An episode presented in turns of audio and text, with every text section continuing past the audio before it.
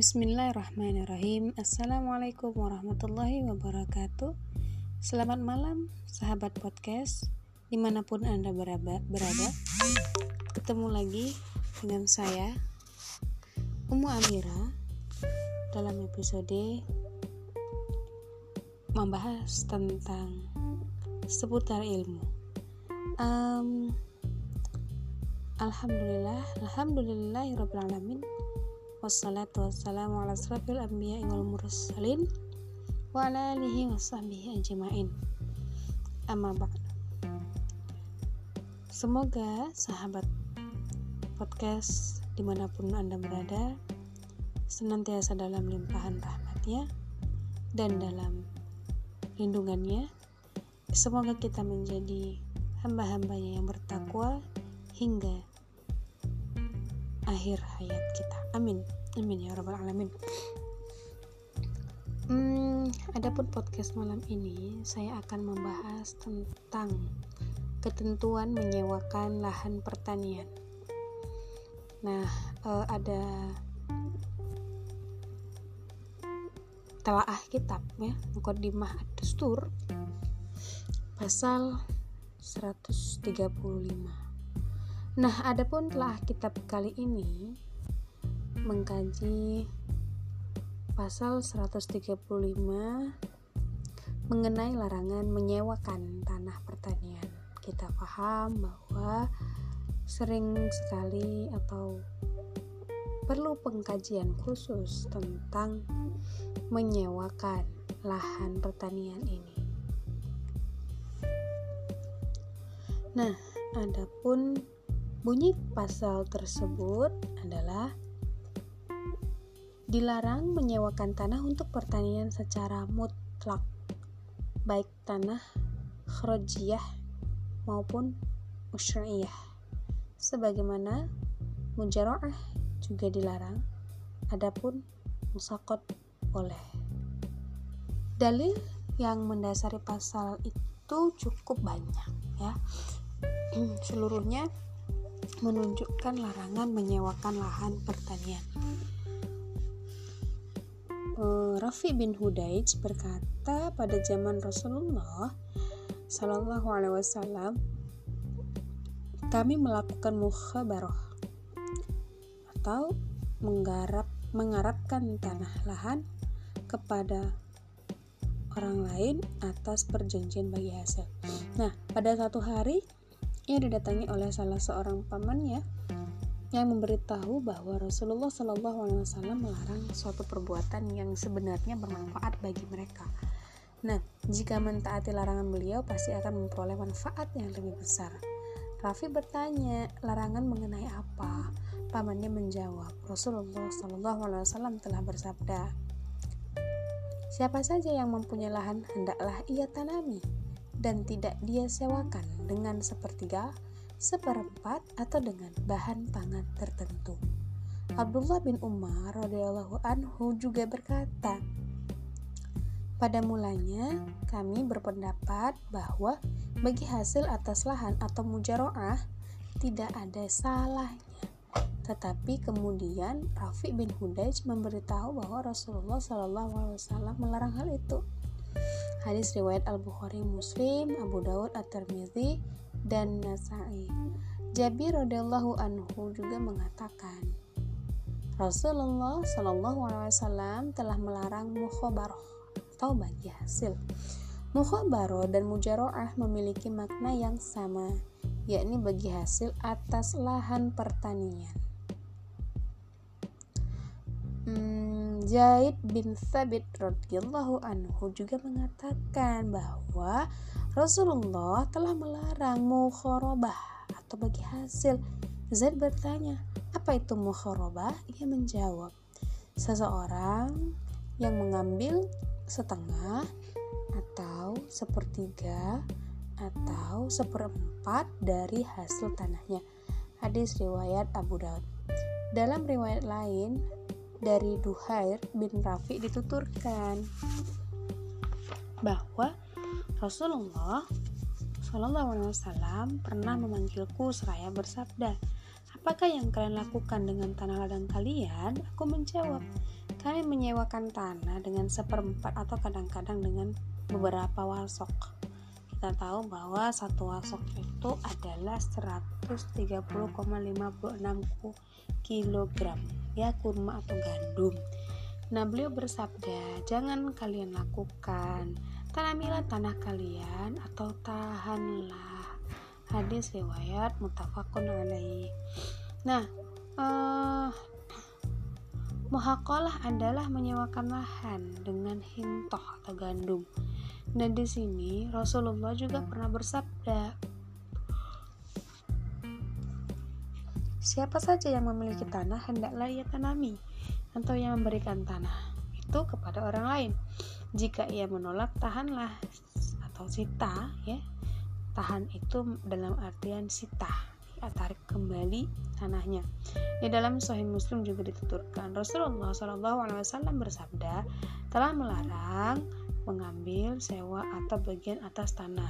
Hadis riwayat Muslim. Nah, jadi banyak dalil-dalil yang menjelaskan bahwa oh, Rasulullah ya eh, melarang untuk mengambil sewa dari tanah. Nah, jadi hmm, te sangat tegas ya bahkan itu diulang-ulang dari hadis-hadis yang kita dengarkan tadi atau yang dituturkan oleh Rasulullah bahwa um, Rasulullah itu melarang menyewakan tanah. Maka uh, ada yang bertanya, "Ya Rasulullah, jika demikian, kami akan menyewakannya dengan biji-bijian." Beliau menjawab, "Jangan." Usaid bin Duhair berkata, "Kami akan menyewakannya dengan jerami." Beliau bersabda, Jangan. Usaid bin Durer berkata, kami akan menyewakannya dengan arrobi, sungai atau wadi. Ya, arrobi itu sungai atau wadi ya. Nah, beliau bersabda, jangan garaplah lahan itu atau berikan kepada saudaramu. Hadis riwayat An-Nasai. Nah, Abdullah bin Umar pernah bertemu dengan Rafi bin Hudaj dan bertanya kepada dia, Rafiq bin Hudaj berkata, Aku pernah mendengar dua pamanku, keduanya ikut dalam perang badar, berkata, Sesungguhnya Rasulullah telah melarang menyewakan tanah. Disebutkan dalam riwayat tersebut bahwa Abdullah bin Umar lalu meninggalkan uh, sewa lahan. Hadis-hadis di atas tadi dengan uh, sahih ya menyebutkan larangan menyewakan tanah karena larangan e, tadi itu konteksnya konteks asalnya hanya berbeda pada tuntutan untuk meninggalkan namun korinah ya atau penunjukannya penunjukan di dalam ayat di dalam riwayat-riwayat tersebut menunjukkan bahwa tuntutannya itu bersifat pasti. Atas dasar itu hukum menyewakan lahan adalah haram Nah, adapun keharaman mujaroah, ya Imam Abu Daud mengeluarkan sebuah riwayat dari Jabir yang berkata, saya mendengar bahwa Rasulullah Shallallahu Alaihi Wasallam pernah bersabda, siapa saja yang tidak meninggalkan mukharabah berarti ia telah memproklamirkan perang kepada Allah dan Rasulnya. Hadis riwayat Ibnu Hibban dan Hakim. Nah, jadi larangan penyewaan tanah ini secara mutlak ditunjukkan dalam redaksi hadis riwayat Imam An-Nasai itu bahwa e, Rasulullah melarang menyewakan tanah. Kemudian jika e, apa mereka kemudian berkata e, jika demikian kami akan menyewakannya dengan biji-bijian. Nah, ini jelas gitu kan bahwa dengan biji-bijian juga tidak boleh ya Rasulullah mengatakan jangan kemudian dengan jerami juga Rasulullah mengatakan jangan. Kemudian uh, mereka mengatakan menyewakannya dengan sungai atau wadi juga Rasulullah mengatakan jangan. Yang diperintahkan oleh Rasulullah Shallallahu Alaihi adalah garaplah lahan itu atau berikan kepada saudaramu. Ya uh, hadis itu uh, hadis uh, yang tadi ya itu menunjukkan dengan sangat jelas larangan kira al atau penyewaan lahan secara mutlak ya. Nah, pada saat para sahabat tidak memberikan batasan-batasan atas larangan penyewaan, beliau dengan tegas menolak. karena di dalam hadis di atas juga dijelaskan bahwa pemilik lahan pertanian hanya diberi opsi menggarap lahannya atau memberikan kepada orang lain jika sudah tidak lagi mampu dia menggarap lahan itu. Nah, maka penyewaan lahan pertanian dengan kompensasi apa pun itu merupakan perkara yang dilarang di dalam syariah Islam. Nah, di antara ketentuan penting yang berhubungan dengan lahan pertanian adalah kewajiban pemilik lahan untuk menggarap lahannya secara maksimal ya pemilik lahan pertanian itu wajib menggarap lahannya agar kepemilikan atas lahan tersebut tetap terjaga. Jika ia sudah tidak sanggup lagi menggarapnya, hendaknya ia memberikan lahan miliknya kepada orang lain. Nah, dia juga dilarang menyewakan lahannya dengan kompensasi apa pun secara mutlak. Dia juga dilarang melakukan mujaroah atau bagi hasil atas lahan dengan persentase tertentu. Nah, hukum syariah seperti ini itu tidak saja menjadi produktivitas lahan pertanian secara maksimal, dan ini juga mendorong para pemilik lahan pertanian untuk bekerja keras dan menggarapnya hingga batas akhir dan kesanggupannya. Masya Allah ya, sangat jelas Allah itu memerintahkan kita untuk menggarap ya ataupun mengolah tanah lahan ya di dalam uh, kondisi semaksimal mungkin dikatakan oleh Allah. Jadi uh, tidak seperti hari ini gitu ya. Setiap orang itu uh, diberikan kebebasan ya sebebas-bebasnya untuk memiliki tanah seluas-luasnya. Jika dia mampu untuk membeli padahal dia itu tidak mampu untuk mengolah ataupun menggarapnya. Nah, kemudian kita lihat juga e, di samping ketimpang ya adanya ketimpangan antara si kaya dan si miskin hari ini itu dikarenakan penerapan sistem kapitalisme yang e, menjadikan yang kaya makin kaya, kemudian yang miskin makin miskin. Nah, pengolahan ataupun tata kelola tata kelola yang dilakukan oleh manusia-manusia uh, tidak beradab hari ini ini uh, adalah uh, buah dari uh, sistem sekuler ya kapitalis yang asasnya adalah manfaat. Nah, tidak di tidak berlaku di dalam Islam. Jadi di dalam Islam nanti akan diatur bagaimana kepemilikan individu, kepemilikan umum, kemudian kepemilikan negara yang mana satu sama lain tidaklah boleh saling e, mengerebut ataupun mengambil yang bukan haknya. Jadi penempatan antara kepemilikan itu sangat jelas di dalam di dalam Islam. Nah, e, kalau kita lihat sekarang gitu lahan-lahan um, para kapital yang mereka bisa membeli dengan uh, dengan sesuka hati uh, itu banyak ya diprivatisasi lahan yang diprivatisasi yang itu tidak dikelola bahkan mereka hanya memagarinya kemudian ditinggalkan berpuluh-puluh tahun gitu berpuluh-puluh tahun lamanya. Nah, e, sementara di satu sisi banyak orang yang tak mampu untuk membeli tanah ya ataupun memiliki rumah ataupun e, dia mampu mengelola tapi dia tidak punya lahan. Akhirnya apa yang terjadi adalah ya tadi e, lahan yang di yang ada gitu yang dimiliki oleh orang-orang pemilik modal itu disewakan disewakan. Padahal sudah bertahun-tahun dan dia tidak akan pernah mampu mengelolanya sendiri.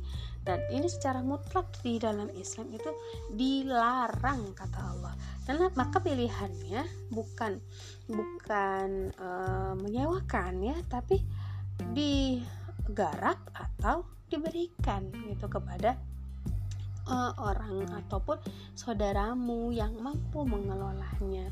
Nah, maka dari dari ini kita penting memperjuangkan uh, Islam ya secara kafah atau secara totalitas agar kepemilikan yang uh, ditetapkan di dalam Al-Qur'an dan di dalam um, Islam itu sendiri sesuai dengan tuntunan syariat bisa ter uh, jaga bisa diterapkan kemudian bisa dinikmati bagi seluruh seluruh manusia nah justru eh um, pasti gitu perjuangan ini tidaklah um, butuh ya pasti perjuangan ini butuh ya keseriusan, ketangguhan, kesungguhan bagi para pengembannya. Kenapa? Karena uh, yang terjadi adalah perang ya, pemikiran perang um, uh, apa namanya perang Sakofah. Nah itu di, dilakukan oleh kafir penjajah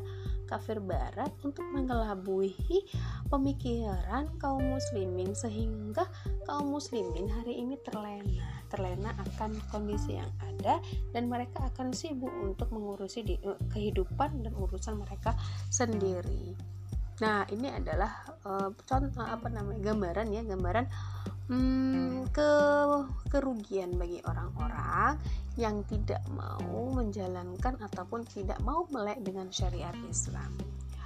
Hmm, saya kira pembahasan podcast hari ini di sampai di sini ya, mohon ampun ya kepada Allah. Nah, jadi kiranya ada hikmah atau ilmu yang bisa didapatkan dari dari podcast saya malam ini. Itu tentang ketentuan menyewakan lahan pertanian. Ya afwan minkum. Hmm, saya akhiri dengan istighfar tiga kali. Astagfirullahaladzim astagfirullahaladzim astagfirullahaladzim subhanaka allahumma wa bihamdika asyhadu an la ilaha anta astaghfiruka wa atubu ilaik alhamdulillahirabbil uh, ketemu lagi di podcast besok ya. Insyaallah jika ada umur yang panjang mohon maaf ya. Saya tutup dengan assalamualaikum warahmatullahi wabarakatuh